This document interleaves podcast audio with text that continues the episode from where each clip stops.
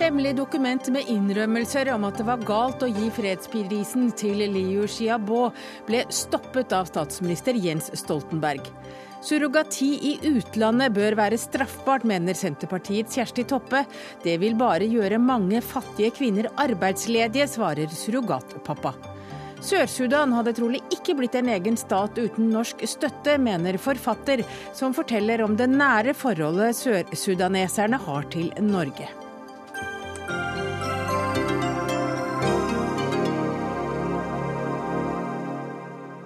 Velkommen til denne Dagsnytt 18-sendingen. Jeg heter Hege Holm, og før sju rekker vi også Stein Roger Bulls hjertesukk over at TV-kanalene er arrogante overfor seere på 50 pluss. Men først skal vi til en røverhistorie fra virkeligheten. På flere topphemmelige møter forsøkte norske myndigheter gjennom flere år å finne en løsning på det kjølige forholdet til Kina. Resultatet ble et hemmelig dokument som ingen andre enn kinesiske myndigheter skulle få se. Kjetil Alstaheim, du er kommentator i Dagens Næringsliv. Det er avisen som skriver om saken i dag. Og, og hva kan du si om innholdet i det dokumentet? Det de satt med foran seg på statsministerens kontor på dette møtet i august i fjor, eh, midt under valgkampen, var to dokumenter. Et eh, som skulle være offentlig, eh, og som ville være en del runde formuleringer om det gode forholdet mellom Norge og Kina. Og også en slags uttrykk fra Norges side på at vi har, vi har hørt og forstått Kinas reaksjon, men ikke noe, noe, som ligner på en beklagelse av eh, fredsprisen til Liu Xiaobo. Og så var det et uh, hemmelig dokument i tillegg. et dokument som aldri skulle offentliggjøres. Og det var der problemene lå. Og hva sto det i det dokumentet? Der var det, Dette dokumentet hadde de arbeidet med over lengre tid. Det var en prosess som begynte mens Jonas Gahr Støre var utenriksminister. Eh, og som da kom til denne konklusjonen eh, mens Espen Barth Eide eh, var det. Og der var det mye filing frem og tilbake på ord og formuleringer. Og det som var i dokumentet, var formuleringer som Kina ville kunne tolke som en norsk innrømmelse av at det var feil å gi fredsprisen til Liu Xiaobo. Det var det ene. Det andre var en forståelse av at Norge ville forsøke å unngå at andre kinesiske dissidenter skulle få fredsprisen i fremtiden. Eh, det tredje var eh, en forståelse av at dersom Liu Xiaobo skulle få anledning til å reise ut av Kina og komme til Norge for å motta fredsprisen, så skulle man forsøke å hindre det. Og det tredje handlet om at Norge skulle uttrykke en en eh, anerkjennelse av Kinas behov for å bekjempe terrorisme, og særlig da med tanke på eh, minoriteten uigurene i eh, Xinjiang-provinsen. Og dette brevet satt de da og forfattet, og der satt statsminister Jens Stoltenberg, der satt utenriksminister Espen Barth Eide og flere av folkene rundt dem på statsministerens kontor. Hva skjedde med brevet? Det, det, hadde jo vært en, en, lengre prosess. Dette var det tredje møtet de hadde. Det første møtet var under Støre.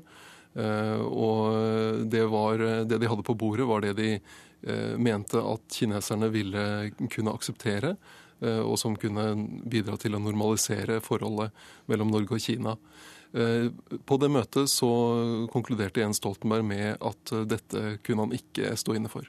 Hvorfor fikk han plutselig kalde føtter?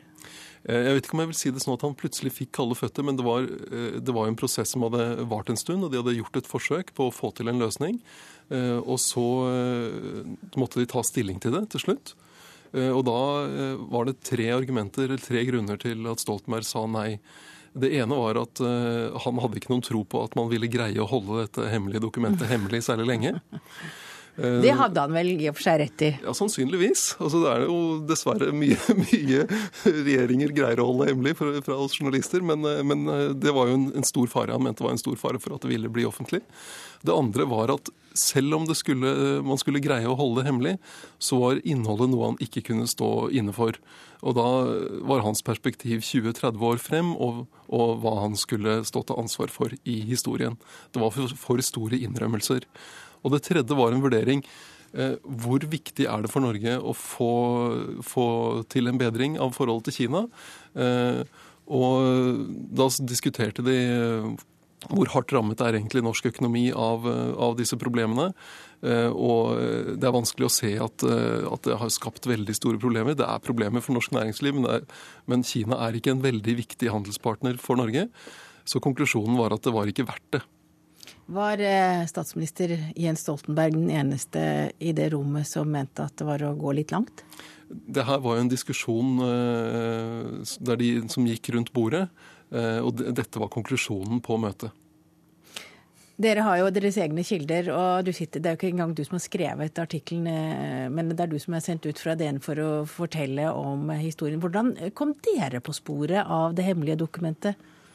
Det vet jo du som journalist, at eh, man har sine kilder, og så jobber man eh, godt med dem. Og det er det vi har gjort i, i denne saken.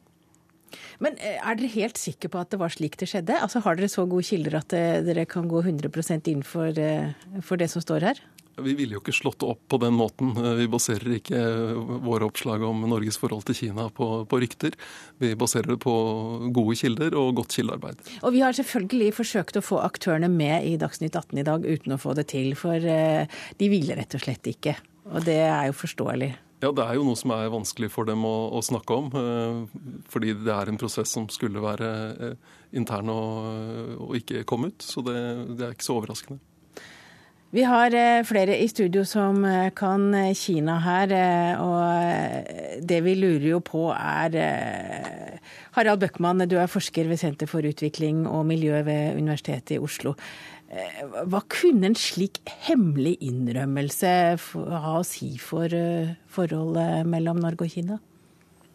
Nei, den kunne ha resultert i at kineserne hadde latt det gli over og latt nåde gå for rett. Ja, Selv om det ikke var en offentlig som det norske folk sto bak, men et hemmelig brev som ja, ja, ja. var med altså, for ja, men Som Alstheim sier, altså disse, de driver jo med masse stater, avtaler seg imellom som vi aldri får greie på noe. Så det, det, er vel ikke så uvanlig. Men eh, det som ville vært avgjørende her, er at kineserne hadde denne sånn til internt bruk. Og de er jo ganske flinke til å holde på sine egne dokumenter. da. Så eh, En hemmelig innrømmelse, er det like sterkt som en åpen når statsministeren står bak? Nei, men nå er du inne på et felt som jeg altså Dette er diplomatiet sånn finsliperi, så det vet jeg ikke. Men eh, man måtte jo også forvente da at det ville være en offentlig del av det, som ville være også nok til at kineserne kunne gå ut av dette med ansiktet i behold, for å si det sånn. Kjetil Astheim, nå kan du ta på deg kommentatorhatten din. Eh, det er jo en helt utrolig historie. Ja, det er uh... Det er nesten så vi ikke tror det. For det er et, utrolig, et hemmelig dokument som gir innrømmelser til Kina som, uh, som undergraver alt det Nobelkomiteen har gjort og regjeringen mener ellers. Ja, jeg mener jo at hvis, uh, hvis, regjeringen hadde sagt, hvis Stoltenberg og de som satt rundt bordet den, i august i fjor hadde sagt ja til dette dokumentet, så hadde det jo vært en politisk skandale. Eh, av eh, en norsk regjering å komme med formuleringer som kunne tolkes som en innrømmelse av at det var feil å gi fredsprisen til en kinesisk eh, dissident. Og også denne forståelsen om at, om at, Norges, at regjeringen skulle arbeide, blande seg inn i Nobelkomiteens arbeid for fremtiden, og også nekte Liu Chabot å komme til Norge for å, eller prøve å hindre at han kunne komme til Norge og motta fredsprisen senere. Da, da, kunne jo regjeringen like gjerne gått ned og satt fyr på Nobels eh, fredssenter og trampet på et bilde av Nelson Mandela. På den annen side så ville det jo vist en utrolig uavhengighet. Ja, men Det ville vært en uavhengighet av, eh, av, av, det demokratiske grunnlaget som en regjering må ha for sin politikk. Det ville jo vært en politikk som ikke hadde hatt, eh, sannsynligvis ikke ville hatt et flertall bak seg på Stortinget, og som ikke ville hatt legitimitet i befolkningen hvis den ble kjent. Eh, hvor spesielt er det at man gjennomfører slike hemmelige prosesser i arbeidet med utenrikspolitiske saker? Diplomatiet er jo fullt av hemmeligheter, så det, det er ikke så, så, uvanlig. Det er jo mer spesielt at det, prosessen blir kjent sånn som den ble i dette tilfellet. Men vi har jo sett andre, når det gjelder andre land som har hatt problemer med, med Kina, særlig etter at uh, Dalai Lama er blitt tatt imot på, på, høyt nivå, at det har vært uh, en type tautrekking og, og en form for erklæringer Danmark, eh, Så du tror andre har gjort dette før? Vi vet at Danmark har en, en, det er en offentlig erklæring, eh, og den har vært vanskelig nok i seg selv. Eh, der er ordvalget så, så ømfintlig at to danske regjeringer har nektet å oversette erklæringen til dansk. Så, så, om det ligger hemmelige avtaler til grunn i tillegg, det kjenner ikke jeg til. Harald Bøckmann, er forholdet mellom Norge og Kina så dårlig nå at, eh, at nesten, eh, en, må så, altså en må gå så langt en kan for å forbedre det? Altså, På politisk nivå er det tydeligvis at den er det, hvis man skal dømme ut fra det som står i Dagens Næringsliv i dag. Men eh, på andre felter, økonomisk, så går det jo forholdsvis bra. Og det syns jeg er ganske interessant, fordi Ja, fredsprisen har ikke, noe, har ikke fått så store konsekvenser for eh, økonomiske samkvem? Nei, altså den har nok på visse sektorer, men totalt sett så øker det på. Kinesere kommer hit som før. En viss kultursamarbeid er det. Og jeg syns det er interessant, for det viser hvor, hvor mye Kina har endra seg. Altså Staten klarer ikke å kontrollere alt som den gjorde før. Har ikke de samme kommandolinjene. Så jeg syns det er en utfordring både til næringsliv og til resten av samfunnet at nettopp å utvikle for samarbeid med Kina, sjøl om det akkurat på politisk nivå er en isfront fremdeles. Er du enig i den analysen? Ja, Det akutte problemet er jo eh, i det at vi har et brudd i de diplomatiske og politiske forbindelsene. Og det er, det er vanskelig eh, for Norge, med tanke på hvor stor betydning Kina har i alle de sakene som Norge eh, ønsker å være aktiv i, eh, f.eks. klimapolitikk. Men eh, jeg syns ikke vi skal undervurdere problemet for næringslivet heller. må huske at Da fredsprisen ble gitt til Liu Xiaobo, fram til, fram til det tidspunktet så hadde Norge og Kina forhandlet om en, en frihandelsavtale. Den ble det jo ingenting av. Og den står vi nå uten, mens EU har den. Og Det er litt av bakteppet for den historien vi nå har hørt om. Takk til dere, Kjetil B. Alstheim og Harald Bøckmann. Jeg må helt på tampen spørre, kommer det flere røverhistorier i morgen? Det kommer mer om Norges eh, forhold til Kina i Dagens Næringsliv i morgen.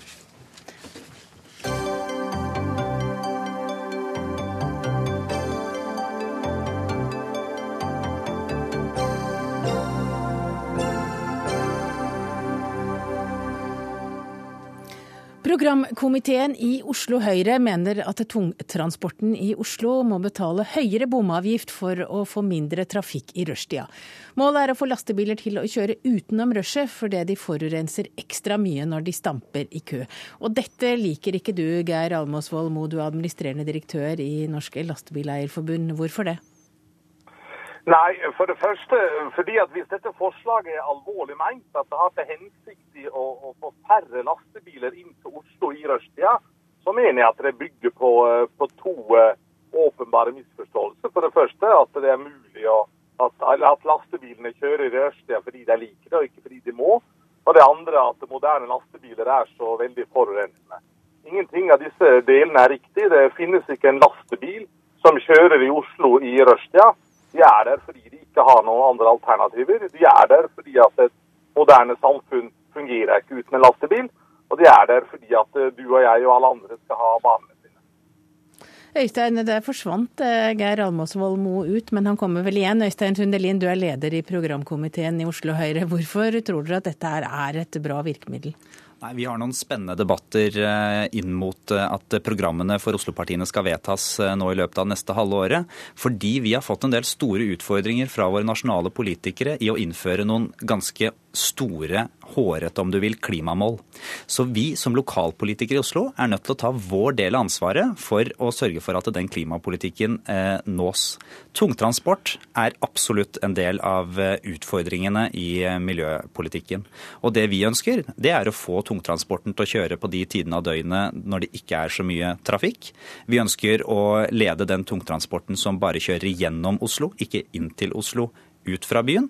Og så ønsker vi å vurdere om vi kan eh, la tungtransporten kjøre i kollektivfeltet sammen med bussene, nettopp for at de skal kjøre raskest mulig forbi. For det er tungtransporten som står og stamper i kø, som er det mest forurensende i, på transportsektoren. Det høres jo ganske fornuftig ut, Mo? Eh, ja, det siste forslaget om å la tungtransporten kjøre i kollektivfeltet er fornuftig. Men de to første er ikke praktikabelt.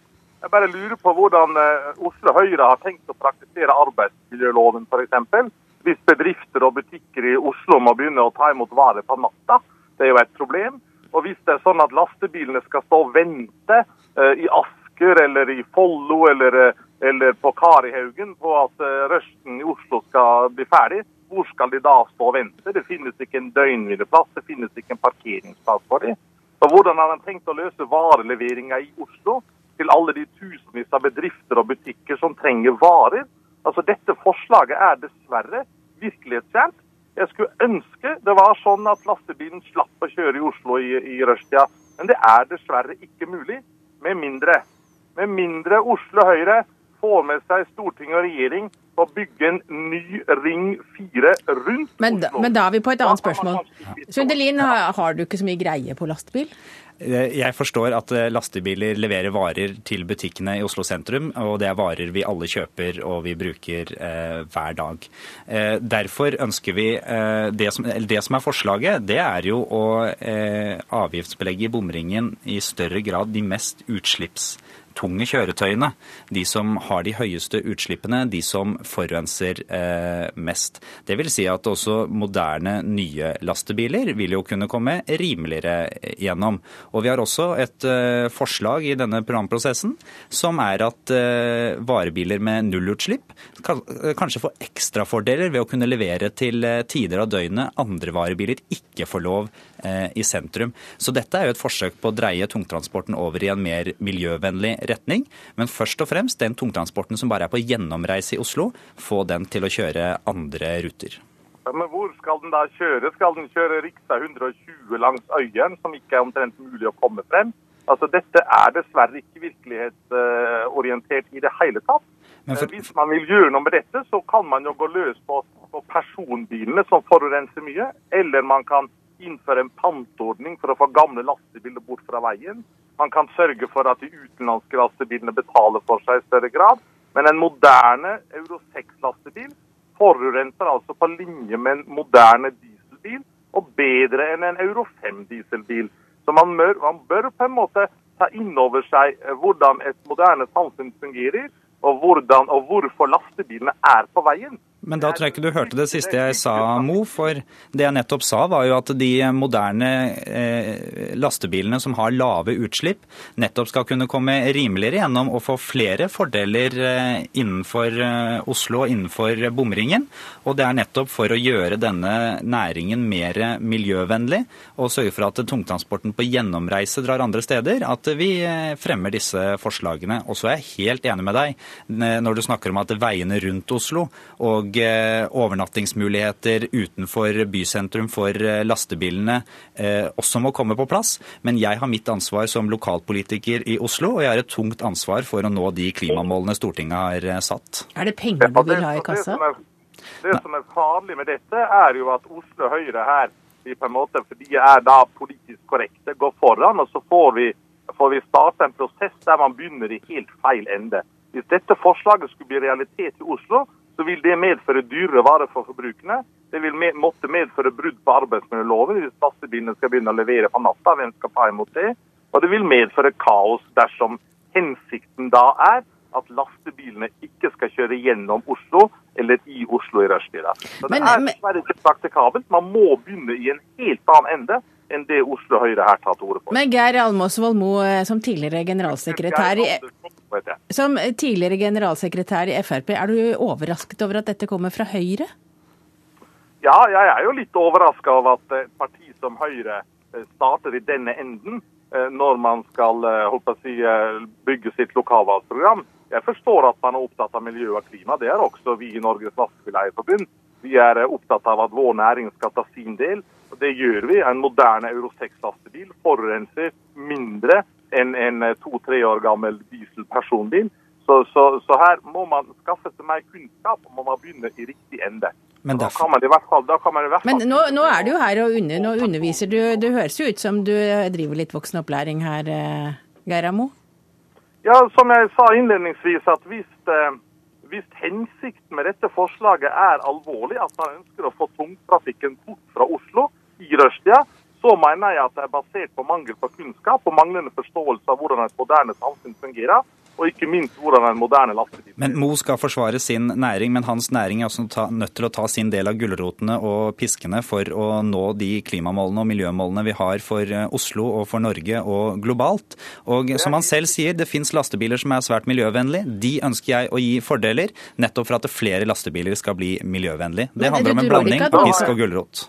Du er ikke redd for at noen kan eh, klage over eh, nærings, den litt næringsuvennlige profilen på et slikt forslag da, i Men, Høyres program? Som, eh, som, en ansvarlig og fremtidsrettet miljøpolitiker, som jeg håper at eh, alle partier og de fleste politikere ønsker å være, så er vi nødt til å ta for oss alle næringer, se på hvilke pisker kan vi ha, men ikke minst hvilke gulroter vi kan ha for å eh, omstille ulike næringer. Og som Mo er inne på selv, lastebilnæringen er, er på vei gjennom å få flere miljøvennlige kjøretøy. og jeg ønsker ønsker å fremskynde den prosessen med at flere av lastebilene blir mer miljøvennlige? Ja, og Prinsipielt sett så er det ikke vanskelig å være enig i det, men da må man altså begynne i riktig ende. Ikke ved å påføre en hardt belasta næring enda flere byrder. En norsk næring som dette kommer til å ramme. fordi de Men hvor er den riktige enden, Mo? Kommer ikke til å betale. Den riktige enden er å eh, f.eks. sørge for å få flere personbiler bort fra veien ved å, å bygge innfartsparkeringsplasser utenfor Oslo. En riktig ende er å sørge for flere tog og flere busser, slik at det går an å stole på kollektivtrafikken inn til Oslo. En riktig ende er å bygge ut parkeringsplasser, døgnhvileplasser, uh, utenfor byen, slik at de lastebilene som uh, kan unngå det, kan unngå kjørende i Oslo. Og en riktig ende er å lage en ring 4 rundt Oslo. Og Da tror jeg Geir Mo vil få stor glede av å lese dette utkastet til eh, Oslo Høyres eh, program. Og ut fra alt du ramste opp nå, så tror jeg nesten vi kan finne frem verveblokka snart, for vi er ikke langt fra hverandre på disse andre spørsmålene. Så alle andre får, alle andre får lide òg, men akkurat nå var det lastebil vi eh, diskuterte. Takk til deg, Geir Amo, administrerende direktør i Norsk Lastebileierforbund, og Øystein Sundelin, leder i programkomiteen i Oslo Høyre. I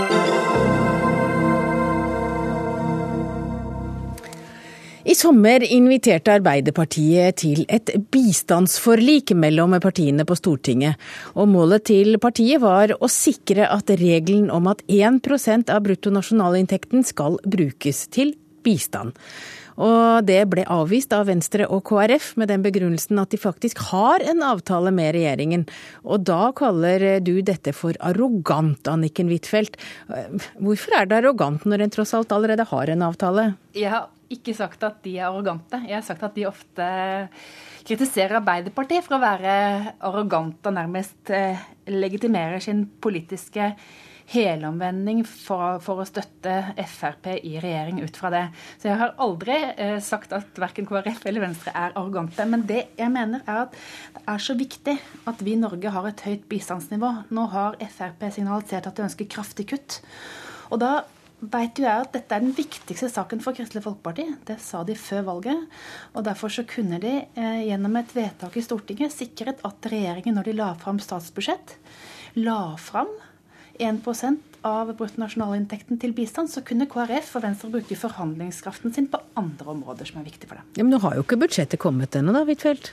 Nei, men i fjor høst så innebar jo det et kutt når det gjaldt bruttonasjonalinntektene. Da var jo Bill Gates besøk, på besøk i Stortinget akkurat mens KrF og Venstre satt og forhandla. Og han mente jo at hvis Norge nå kutta sin andel til bistand, så vil det være et veldig kraftig signal til andre land at nå var det åpning for kutt. At Norge bidrar jo til at andre land gir mer i bistand. Og vi kunne gjort det hvis vi hadde fått et forlik i Stortinget. Ville vært kraft i vår argumentasjon for en sak som er viktig for KrF, som er viktig for Arbeiderpartiet, som er viktig for Venstre, men dessverre Frp ønsker å rasere. Ja, Kjell Ingolf Ropstad, du er stortingsrepresentant for KrF, og nå hører vi Huitfeldt fortelle hva som er viktig for dere. Men er det viktigere å støtte regjeringen enn å få gjennomslag for det dere mener er viktig? Vi har jo en tydelig avtale med regjeringspartiene, og særlig når det gjelder budsjettspørsmål, så skal vi gå til dem og snakke med dem. Og når det gjelder bistandsprosenten, så er jo det helt klart et budsjettspørsmål som må løses hvert år, og vi må klare å finne penger til det. Og Derfor så var jo vi veldig fornøyd når vi klarte 1 eh, %-målet i fjor for budsjettet for 2014. Og jeg har jo òg lagt veldig merke til hva Per Sandberg har sagt, men enda mer har jeg lagt merke til hva statsminister Erna Solberg har sagt. Hun har sagt at nå skal bistandsprosenten ligge på 1 det sa hun til alle frivillige organisasjoner i et møte tidligere i år. Så jeg tar det egentlig for gitt at eh, når budsjettet kommer, så, så er det ca. 1% og etter det er ferdig forhandla, så skal det være på 1% ja, hvorfor, da, hvorfor frykter du da at den eh, prosenten eh, forsvinner, Huitfeldt? Ja, men nå må jo KrF bruke sin forhandlingsstyrke på å forhandle det opp til 1% Og det som jeg syns er rart med KrF sin avvisning av dette forslaget, er jo at ved andre anledninger så har de ønsket et forlik som har budsjettkonsekvenser. Det har dere gjort på klimaforlik, pensjonsforlik, skatteforlik, barnehageforlik. Hareide, da han satt i opposisjon og leder av transportkomiteen forrige periode, så foreslo han et transportforlik. Men på dette området, som er KrF sin viktigste sak, da skal det være veldig fornøyd med, med å oppnå det det er flertall for i Stortinget. Og jeg kan ikke skjønne at KrF vil avvise et forlik på et område hvor de, disse pengene allerede kan ligge inne. Og argumentet er at dere allerede har en avtale, men det er jo første gang i historien da, hvor dere ikke ønsker å inngå et forlik på et område hvor dere har et veldig sterkt engasjement. Ja, men Poenget er jo at vi allerede har oppnådd 1 eh, og vi til som ja, sagt... Mener du, Kan du allerede fortelle at eh, i statsbudsjettet som legges fram, eller forslaget som legges fram 8.10, vil det være satt av 1% Jeg tror ikke jeg heller kan garantere det, nei. Det, men det undrer meg veldig hvis det, hvis det legger opp noe annet. og Derfor så tror jeg jo regjeringa har lytta eller sett hva som er blitt sagt fra KrF og Venstre om at uh, vi begynner ikke å forhandle før 1% er på plass. Men det som er vel så viktig, det er jo faktisk at uh, de pengene skal brukes til noe. og KrF har hatt en tydelig ønske om en vridning på hvordan de pengene brukes. Vi har f.eks. sagt at eh, ja, det skal være 1% men eh, enda viktigere er det jo at pengene gjenger til det som fungerer best. Utdanning f.eks. Utdanning eh, særlig for jenter er en av våre viktigste satsingsområder som regjeringa har varsla en vridning på. men det er vel ikke akkurat det Anniken Huitfeldt diskuterer nei, men, med det nå? Men vi kan godt diskutere, nei, diskutere nivået på bistand hele tida, men vel så viktig er det å diskutere innholdet. Og vi fikk gjennomslag for 1% og det jeg for gitt at kommer i neste budsjett òg, men vel så viktig er det å diskutere diskutere innholdet. Og, men, men hvis, Per Sandberg har jo sagt at 1% den er ikke hellig.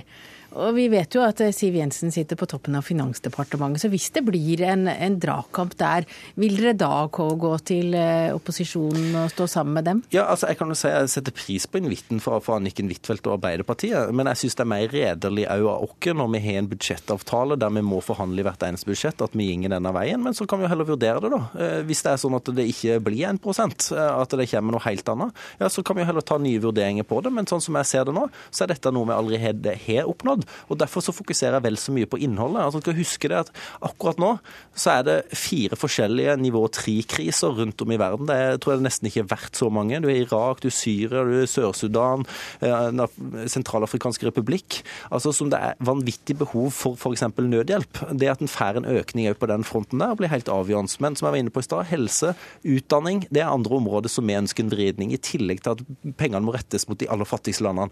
Og Jeg velger jo å sette vel så mye energi inn på det, og så setter jeg pris på at vi har Arbeiderpartiet med i kampen om å nå òg 1 eh, Jeg mener at vi skal diskutere bistandens innhold. Øke støtten til utdanning. Men det er jo ikke det vi diskuterer nå. Men jeg opplever jo det som eh, KrF her sier som en invitasjon. Fordi han sier at dersom nå regjeringen ikke legger fram 1% til bistand, så vil han vurdere forslaget på nytt. Nå har Per Sandberg, Frp, varsla et eh, kraftig kutt. Men for meg er det helt uforståelig at KrF har vært med på flere politiske forlik på andre områder, men på det området som er viktigst for dem, da er eh, budsjettavtale viktig. Og husk på det at da sentrumspartiene satt i regjering, da var det jo slik at Frp og Høyre, som ofte inngikk budsjettforlik med en sentrumsregjering, de bandt seg jo ikke til å støtte den daværende regjering. Men nå har altså KrF og Venstre opp, eh, fått en veldig sånn ydmyk posisjon. Og selv på et område som burde være så viktig for Norge. Men Anniken Huitfeldt altså, men Oppfatter du det òg, Ropstad, som at det er en litt sånn ydmykende mellomposisjon? Nei, altså jeg tror alle som har fulgt KrF og Venstre det siste året, og iallfall KrF, nå kan jeg snakke på vegne av oss sjøl, så, så, ta ett eksempel. Utsira-saken, som jeg personlig òg var sterkt involvert i, der vi gikk til Arbeiderpartiet og til opposisjonen for å få gjennomslag for en sak som vi syns er viktig. Og flere eksempler vil det komme. Men, men jeg tar òg Erna Solberg på ordet når hun er ute og sier det hun gjorde, om at det skal være 1 og derfor så, så For meg er dette en ikke-sak. Eh, og, og, Derfor så, så, så kan jeg jo være med på å diskutere det dersom det viser seg at dette her blir en kjempevanskelig sak. Men jeg har tro på at den samarbeidsavtalen vi har, den ligger til grunn. Og så fokuserer jeg som sagt på innholdet. Og Én ting er bistanden, men jeg er vel så opptatt av at en får til flere investeringer i de fattigste landene, at en får til mer på handel. Og det er noe helt annet å snakke det enn å bare snakke om en avtale på et beløp med hele Stortinget. Jo, men hvis vi får en avtale på et beløp, så kan vi jo nettopp rede grunnen for å ta opp alle de temaene som du har vært opptatt av. Men det som er så trist nå, er at KrF og Venstre må bruke sin forhandlingsstyrke på å si at her skal vi flytte noen milliarder. Dere kunne fått mye større trykk på andre av sakene som dere er opptatt av hvis vi hadde fått et forlik. Og hvis det er Men det slik forliket det får du ikke i kveld. Takk til deg, Anniken Huitfeldt, stortingsrepresentant for Arbeiderpartiet, og Kjell Ingolf Ropstad, stortingsrepresentant for KrF.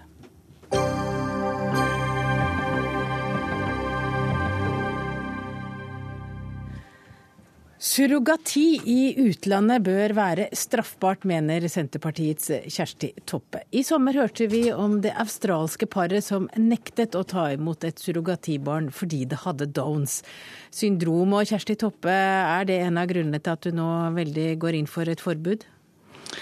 Ja, Det er jo én av grunnene. Men eh, surrogati har eh, sterke elementer av eh, menneskehandel i seg. Og for meg fremstår det som en velorganisert internasjonal handel med kjøp og salg av barn, der en står i stor fare for å utnytte fattige kvinner, men der òg barns rettigheter blir trua, slik som eksempelet fra i sommer viser så veldig godt, der barn blir født uten juridiske foreldre og i prinsippet statsløse. Med de konsekvensene det fører med seg. Ole Martin Moen, du er postdoktor i filosofi ved Universitetet i Oslo. Men eh, det er vel ikke derfor du er eh, her? Ja. Du er filosof, men du er også surrogatfar. Eh, hvordan reagerer du når Toppe foreslår forbud? Jeg synes først og fremst at det er en veldig trist ting. For slik jeg ser det, så er surrogati en, en veldig god ting. For det første så gir surrogati familier som ellers ville vært ufrivillig barnløse, muligheten til å få barn. Og surrogatbarn er sterkt ønskede barn. Eh, man blir ikke surrogatpappa tilfeldig en lørdagskveld. Eh, det er noe man, noe man planlegger lenge. Du sitter ikke og klikker deg på nettet fram til en passende surrogatmor? Det er ikke helt slik det fungerer. Så det er, det er, den ene siden av det. Det andre er jo at det gir jo en kvinne i et fattigere land en mulighet til å kunne tjene gode penger. Tjene tre årslønner, som er det vanlige, på å gjøre en fantastisk jobb. Men det er jo kjøp og salg av bruk av kropp? Det er kjøp og salg av bruk av kropp, men nesten alt arbeid er kjøp og salg av bruk av kropp på en eller annen måte. Spørsmålet er hvordan er det surrogati i så fall er forskjellig. Og det er mange jobber som har noe spesielt ved seg. Selv det å jobbe i en barnehage er noe som er veldig spesielt. Man kommer veldig nært på disse barna men det er en jobb som passer for noen, og det samme gjelder surrogati. Så hvis Toppe får det som hun vil og forbyr dette, så er det mange familier som ikke får barn, dessverre. Sterkt ønskede barn. På den andre siden er det mange kvinner i fattigere land som ikke får denne jobbmuligheten. Og det er veldig naivt å tro at disse kvinnene får det bedre av at vi tar fra dem også denne muligheten til å tjene penger. Toppe, tror du at de kvinnene vil få det bedre? De som i dag eh, selger kroppen sin på den måten? Nei, men Jeg tror det er naivt å tro at uh, surrogati skal uh, redde fattige kvinner fra fattigdom i utlandet. Og jeg mener at vi som rikt land har et ansvar, og at vi må innse at det finnes grenser for handel. og der surrogati som må ha iallfall sterke element av og likhetstrekk med menneskehandel i seg, er en form for handel som vi bør Eh, som ikke kan legitimeres av f.eks. ønske om å få barn, ufrivillig barnløshet eh, osv. Det finnes visse grenser eh, som en òg må ta med seg. At det ikke er så enkelt. Og sammenligninger med surrogati og en barnehagejobb syns jeg er ganske utrolig sammenligning. Og iallfall når jeg tenker på at det her skal være en filosofiprofessor som uttaler seg om. Jeg har iallfall en helt annen tilnærming til dette. Og det er òg internasjonale konvensjoner som har tatt opp dette her. Haag-konvensjonen, som arbeider mot kjøp og salg av barn. Barnekonvensjonen, som sier at barn har en rett til å i størst mulig grad få kjenne sine foreldre. Og Den europeiske menneskerettskommisjonen. Så dette her òg er jo internasjonalt problematisert allerede. Og flere land har òg gjort et forbud. Så jeg tror at et internasjonalt forbud vil komme, for dette er jo et globalt problem. Og jeg synes det, det er trist at ikke Norge kan være mer aktive, som er den sterke part. Altså vi er den sterke kjøper i dette bildet. Det er mange fattige kvinner, eh, men det ser som Toppe ser det som et argument mot surrogati. Jeg ser det som et argument for. Disse kvinnene velger surrogati fordi blant mulighetene som er åpne for dem, er dette det beste de kan velge. Og eh, da får de det ikke bedre av at vi tar fra dem også dette valget. Og jeg tenker Toppe går i fullstendig feil retning. Det vi trenger er et internasjonalt lovverk som regulerer dette på en god måte. Eksempelet med barnet med Downs syndrom er fra Thailand, hvor, de, hvor surrogati skjer i et rettslig vakuum. Det er fryktelig trist. Surrogatforeldre burde ha akkurat de samme rettighetene og pliktene som andre foreldre. India er på god vei til å komme dit og gjøre dette på ryddige, ordentlige måter. USA er veldig nært allerede, og det er den veien de bør gå. Ikke nekte familier å få barn, og heller ikke nekte surrogatmødre å tjene penger på denne måten. Eh, problemet er at et lovverk aldri vil kunne regulere dette på en så sikker måte som, eh, som er hensikten bak et lovverk, nemlig å sikre både kvinner og barnet å ikke bli utsatt for noe som er en overlast. Og, eh, og det å gå gravid og, bære frem et barn er tross alt en, en risiko som ethvert lovverk ikke vil kunne ta vekk. Og et barn som blir født uten sine biologiske foreldre til stede, det er òg spørsmål spørsmål om en som stat skal legitimere det, og om et lovverk vil være uten hull for det barnet. Eh, og så har vi uavhengig av lovverk det etiske problemet med at eh, et slikt barn da blir eh, født med tre mødre bak seg, altså ei, ei genetisk mor og ei fødemor, og da ei sosial mor. Og om det er på en måte den måten vi skal At det skal være et tilbud for, for barnløse i den rike del av verden. Og det dette igjen tilbake til fattigdomsargumentet. Eh, det syns jeg eh, vi kan legge vekk, eh, for dette vil jo aldri være den måten som vi skal løse fattigdommen i India på, f.eks. Ole Martin Moen, etter hva jeg har forstått så er du, du er far, du er surrogatfar, og du er i en familie hvor dere har to surrogatbarn på 12 og 16 måneder? Det er riktig. Ja. Kan du fortelle litt din historie, for dette er jo ikke en virkelighet de fleste av oss har vært borti. Hvordan Nei. foregår det? Ja, Man kontakter jo en surrogatiklinikk. Eh, vi fant noe som kalles Surrogacy Center India, som er en veldig seriøs, offentlig godkjent klinikk som driver i, i New Delhi i India. Og Vi etablerte kontakt med dem, fikk et veldig godt tillitsforhold til dem, eh, og fant ut at dette ville vi gå for. Så jeg og min, min samboer Thomas Johansson, eh, vi eh, bestemte oss for å bruke denne klinikken, og vi har nå to barn. Det er vi veldig glade for. Jeg er genetisk far til det ene, Thomas til det andre, og de har samme anonyme eggdonor. Så disse er da altså genetisk halvsøsken. Så nå har vi altså fått en familie, og vi har hjulpet to indiske kvinner med å Og så er det to ja, andre kvinner som har båret dem fram? Det er to andre kvinner som har båret dem fram. To surrogatmødre som vi nå begge har møtt, eh, som vi ikke har noen kontakt med nå, men som vi likevel er, er veldig overbevist om at har blitt behandlet godt, har blitt behandlet bra, og eh, har kommet seg et lite stykke oppover av å ha jobbet som surrogatmødre. Jeg må innrømme at som trebarnsmor har jeg lyst til å spørre hvor mye har dere betalt for en graviditet? Um, ja, Det er veldig fint at du sier graviditet, for det er graviditeten man betaler for, ikke for barnet. Vi er genetisk fedre til våre barn på akkurat lik linje med alle andre fedre. Men graviditeten har kostet ca. 250 000 kroner per graviditet. Og det går eh, nesten alt går til moren? Eh, mye av det går til medisinske utgifter. In vitro-fertilisering er dyrt. Forsikringer for surrogatmoren er også dyrt. Men hun vil tjene 30 000-50 000 kroner på dette. Som er en veldig, veldig god lønn og et stort løft for de kvinnene det gjelder i India. Det høres jo ganske velordnet ut her da, Toppe? Eh, nei, det, det, synes ikke jeg. Dette her, eh, dette her, viser jo at det er eh, at en, ja, at en kjøper seg en graviditet. Mor mhm. får mellom 30 og 50 000 kroner. Det grunnleggende spørsmålet er jo om det er rett at vi kan kjøpe oss en graviditet med de konsekvensene det, det fører for seg, og den risikoen for at kvinner ikke gjør dette her frivillig, men at de gjør det ut av nød. Og det var vel kanskje en risiko som, hvis de var i en annen situasjon og hadde bedre råd, ikke hadde gitt seg ut på. Eh, og det har jo vi òg et ansvar eh, for når vi er den sterke kjøperen i sånt, eh, en, en, sånn handel av barn over landegrenser. Og hvis du tenker deg inn i, som postdoktor i filosofi, så kan du vel være med på den tankegangen ganske langt at Nei, jo, du klarer ikke å se for deg at det er noe uetisk ved å kjøpe graviditet fra en kvinne som kanskje ikke har råd til noe annet? Jeg tenker Det er et veldig interessant spørsmål. Men hvis det virkelig er sant, som du og nå Toppe sier, at hun virkelig ikke har råd til noe annet, kanskje hun ikke har noe reelt valg, kanskje dette er den siste muligheten hun har for å tjene penger, hvis det virkelig er sant, så er det jo forferdelig å ta fra henne den muligheten også. Problemet for fattige mennesker i verden, fattige kvinner i India, er at de har for få muligheter, ikke at de har for mange. Mm. Så skal vi hjelpe dem, må vi gi dem flere muligheter, ikke færre muligheter. Men en annen måte å se dette på, det er jo at eh, da utnytter vi den kvinna situasjon til vår egen fordel. Og det syns jeg ikke er etisk rett. Og det er òg en del av argumentasjonen for at begge bør avstå, at vi bør få et forbud som, som, som regulerer dette. For det er òg en utnytting av fattige kvinner i en veldig sårbar og veldig vanskelig situasjon. Men disse kvinnene, våre surrogatmødre, har nå fått et betydelig bedre liv økonomisk fordi de jobbet som surrogatmødre. Vi har altså hjulpet to indiske kvinner opp. Surrogatmotstandere har gjort fint lite for indiske kvinner. Å hjelpe til i India, få India opp, få eh, mer handel med India, er kjempebra. Og, men veien til å få India opp er ikke å forby surrogati.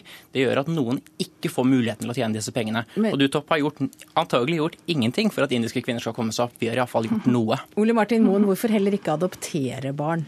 Eh, jeg er homofil. Eh, for oss er det veldig veldig vanskelig å adoptere, dessverre. Det hadde vært en veldig god mulighet for oss, men det er veldig få land som vil adoptere barn til homofile par. Så det var dessverre ikke en mulighet for oss. Eh, så vi kunne gjerne gjort det, men når det ikke er mulig, så er, er surrogati et godt alternativ. Fins det tilfeller der du ville synes det var greit med surrogati, Kjersti Toppe? Jeg eh, synes at det er grunnleggende problematisk ut ifra eh, rettighetene til barna som blir født. Men det stiller seg jo altså Det er iallfall en annen diskusjon om et land tillater surrogati Eh, der en ikke tar imot betaling, der det ikke er kjøp og salg, men der en gir det som et tilbud til sine nærmeste, f.eks. ei søster som vil bære fram et, et barn for, eh, for, for, for søstera si. Um, altså det er en annen diskusjon. Jeg er, er, er, imot den også, men jeg kan forstå at en del land tillater det, men at en forbyr det som har med penger og handel å gjøre, og, og, har en mye strengere og kategorisk tilnærming til, til den type surrogati. Lenger kommer vi ikke i den debatten i denne sendinga. Takk til deg, Kjersti Toppe og Ole Martin Moen.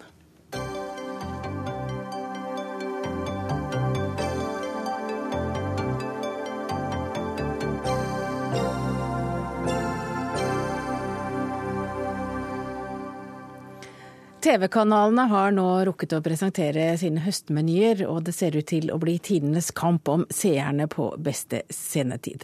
Men hvilke seere?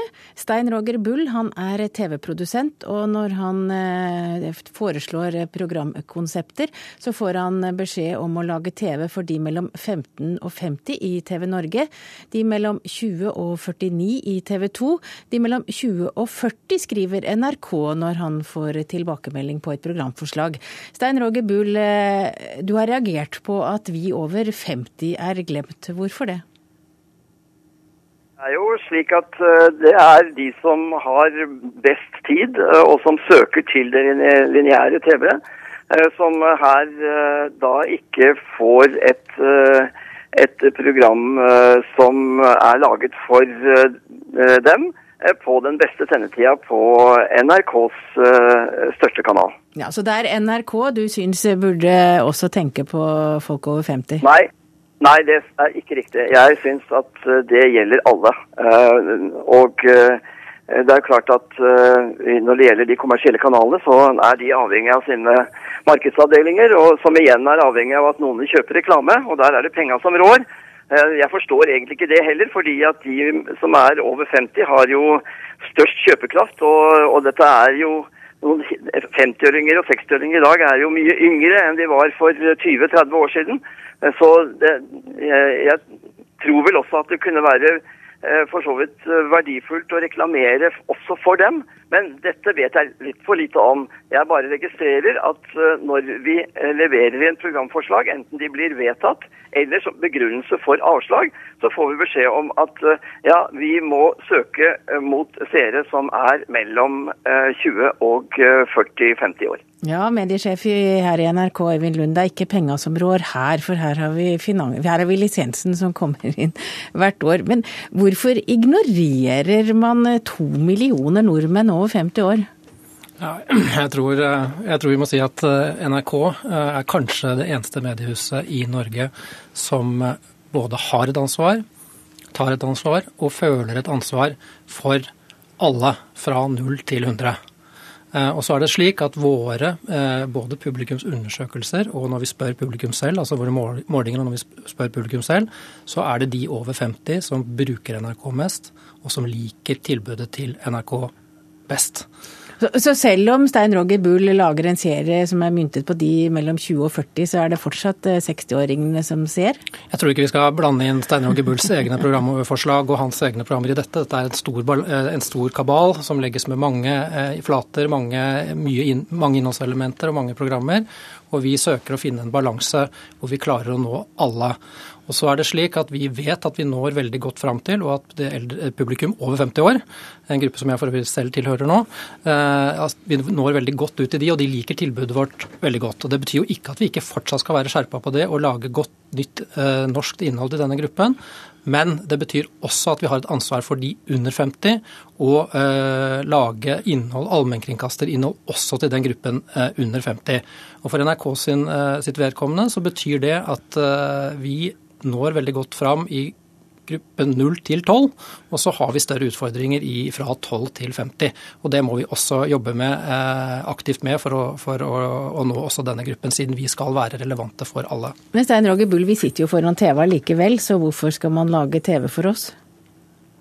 Nei, altså Utgangspunktet vårt er jo den begrunnelsen som gis fra NRK og de andre kanalene. Og eh, vi vet jo at eh, det er endrede seervaner. Eh, TV Norge nevner jo bl.a.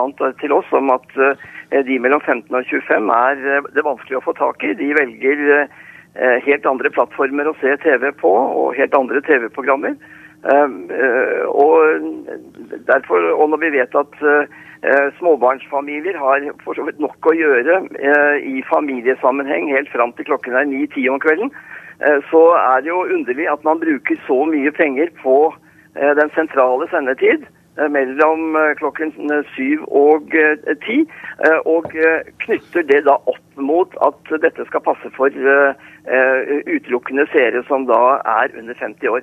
Det er det som Jeg, jeg, jeg skriver denne artikkelen utelukkende for å si at det er mange TV-produsenter ute som også lurer litt på hvorfor ikke man også sier at her er det et stort publikum, to millioner uh, uh, seere, som også gjerne vil ha programmer som, som er laget spesielt for dem. Men hva skiller programmer som er laget for de over 50 fra, til de under 50?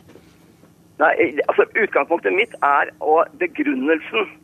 Det er helt riktig som, som det sies at, at NRK har en, en, en stor seermengde over 50 år.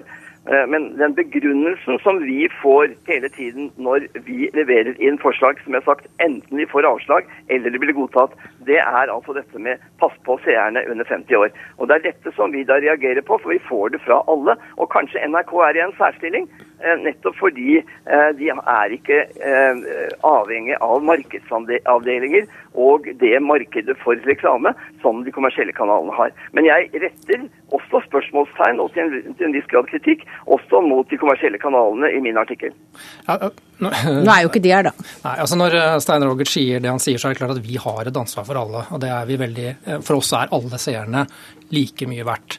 Når det er sagt, så tror jeg vi ikke Stein Roger Bull skal eh, skille på hva han eventuelt får i avslag på programforslag personlig eh, i det store bildet som eh, Men jeg vil jo tro at andre får det samme ja, svaret. Som han snakker om. Men vi må se på helheten og totaliteten i det tilbudet vi har. Så vil jeg også si at jeg syns kanskje Stein Roger Bull er litt gammeldags i tanken når han tenker veldig atskilt fra det vi kaller flyt-TV, altså gammeldags-TV, til on demand-TV. Vi er opptatt av å lage godt innhold, og så er vi opptatt av at publikum bruker medieplattformene ulikt. Og Vi ser veldig tydelig at godt innhold som går godt i flytkanalene, det går også veldig godt i eh, on demand og i nett-TV-sammenhenger. Så der er det ikke så stor forskjell eh, på, som det virker som Stein Roger Det er litt vanskelig å skjønne sjangeren dine for folk som ikke er inni Men det du sier at det vi ser på, det vi velger å se når vi har tid til det, det er det samme som vi kan se i real time, og det ja. er like populært? Ja, vi ser veldig, veldig tydelig sammenhengen mellom det innholdet som er veldig populært på gammeldags TV, altså det som man sitter og ser og som kommer der av seg selv, og det som folk velger på nettet og nettbasert innhold, hvor de da velger on demand. altså Se det når de har tid. Se det når de har tid. Og da er det jo det er innholdet sterkt nok, så går det godt begge steder. Og det er jo utfordringen for eh, innholdsprodusentene. Ja, og det er det jeg lurer litt på, Stein Roger Bull. For eh, du får jo det samme, jo det samme svaret fra nesten fra alle sammen. Men, men, hvis du fikk et eh, spørsmål om å lage TV for de mellom la oss si 45 og 70, ville du tenkt veldig annerledes? Nei, vi, vi, tenker nok ikke slik når vi leverer en forslag. Vi får en god idé vi, ut, vi, utvikler den ideen, og så leverer vi den inn. Og så er vi kanskje ikke så fokusert på om den passer akkurat for hvilken aldersgruppe, men vi tror liksom at vi kan treffe ganske bredt. Og en, en TV-kanal i, i, i, dag, enten det er kommersiell eller NRK, den må tenke bredt. Den, den må tenke fra eh, holdt på å si 12 til 100 år. Eh, for også å kunne oppnå eh, en stor seermengde i den sentrale sendetid. Eh, og det er egentlig denne begrunnelsen for, for eh, avslag, eller, eller, å hele tiden eh, minne oss om at vi må tenke, tenke ungt, som, som, jeg, som jeg syns er underlig. Og så kanskje i tillegg til, til at NRK, NRK på sentral tid kanskje kunne komme med et en, et større alternativ til de kommersielle kanalenes uh, underholdnings... Der kom du med et lite bønn, men er det litt sånn aldershysteri i mediebransjen, uh, Eivind Lund? Nei, Jeg vil ikke snakke på vegne av mediebransjen. Vi har ulike forretningsmodeller. I NRK, Nei, men du er på mange seminarer og ja, møter NRK og treffer vi, andre. Ja, men det er klart det er et kommersielt attraktivt publikum som de kommersielle er mer interessert i enn de pluss 50. Eh, og jeg har også stusset over det samme som Stein Roger Bull sier, at er ikke de over 50 også kommersielt, bruker ikke de mye penger, og mye Masse. mer penger enn før. Eh, men samtidig så tror jeg, mener jeg at Stein Roger Bull skyter litt over mål når han når han eh, ikke ser totaliteten i NRK sitt tilbud. Og, er, og, det er klart at Når vi ser at vi har en utfordring med å nå fram med godt allmennkringkasterinnhold til også den yngre delen av befolkningen, så er det klart vi har litt fokus på det i denne perioden. Og det vil også det innholdet vi bestiller av eksterne produsenter være preget av. Og det har vi nå forstått. Takk til Stein Roger Bull og Øyvind Lund.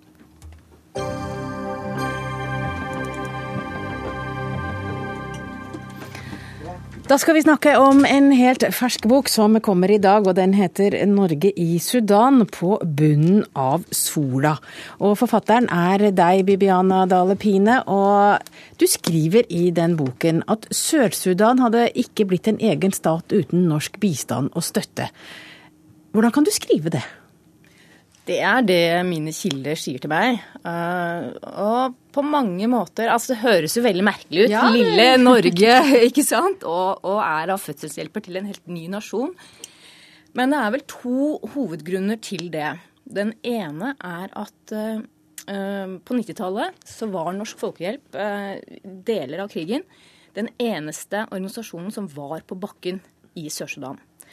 Det medførte at eh, befolkningen holdt seg inne i landet. Eh, noe som igjen medførte at sørskolanske sørsudanske geriljasoldater hadde noe å kjempe for. De skulle forsvare familiene sine, og de dro jo også hjem til flyktningleirene på en slags rest and retreat.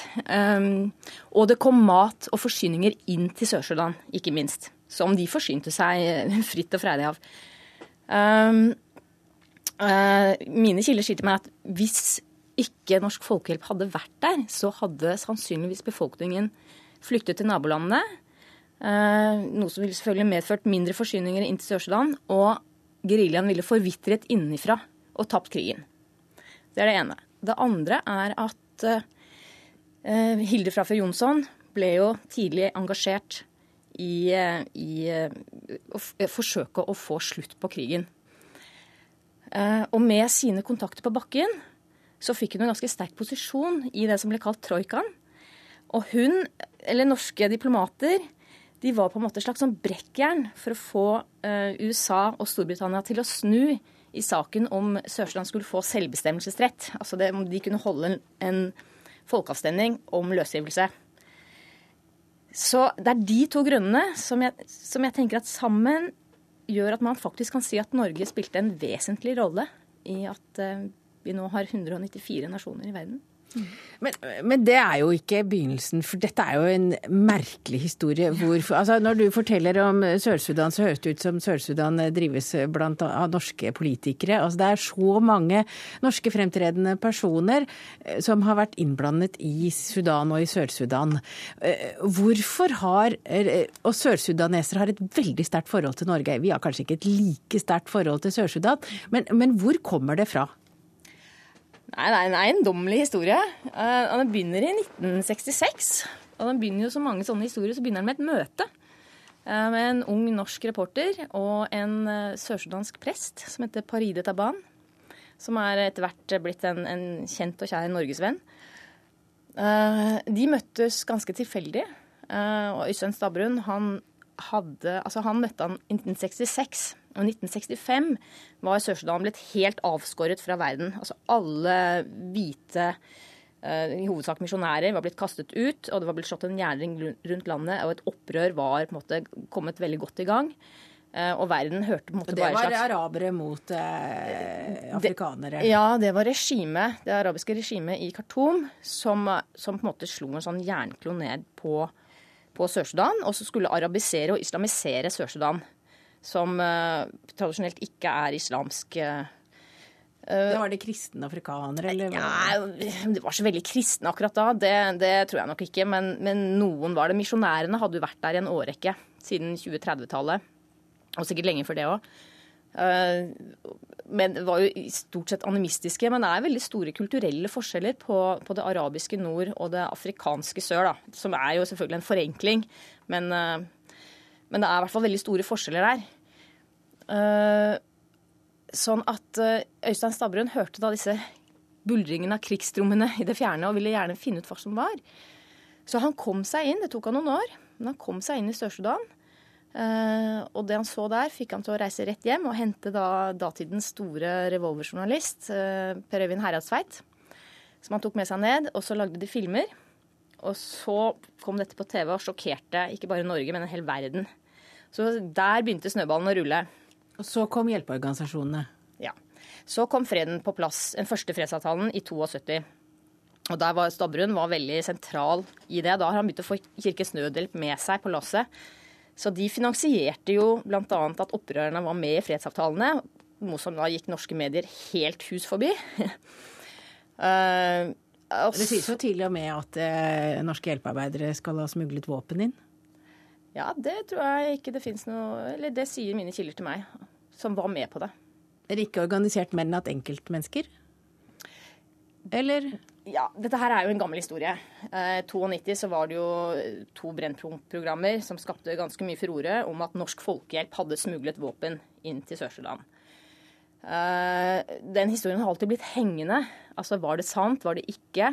Kunne man dokumentere, det? Uh, og ingen har villet snakke om det. Norsk Folkehjelp har jo alltid kategorisk avvist påstanden. Men det mine kilder forteller til meg nå, er at uh, jo, det var en liten håndfull ansatte i Norsk Folkehjelp som var tett på SPLA-geriljaen, som bisto med å få inn våpen. Og dette skjedde altså under radaren til Norsk Folkehjelp både i Nairobi og i Oslo. Eh, så dette gjorde de eh, på egen hånd, så å si. Og så hvis vi da er veldig raske i historien, og det har skjedd mye, og i tolv år så var det norsk bistand en masse, både fra Folkehjelpa og Kirkens Nødhjelp. Og så ble det et fritt, så ble det et eget land i 2011, og det var stor glede, og nå står én av tre sørsudanesere i, i, fare for å dø av sult. Mm. Ja, det er til å grine av. Tror du det kommer til å gå seg til?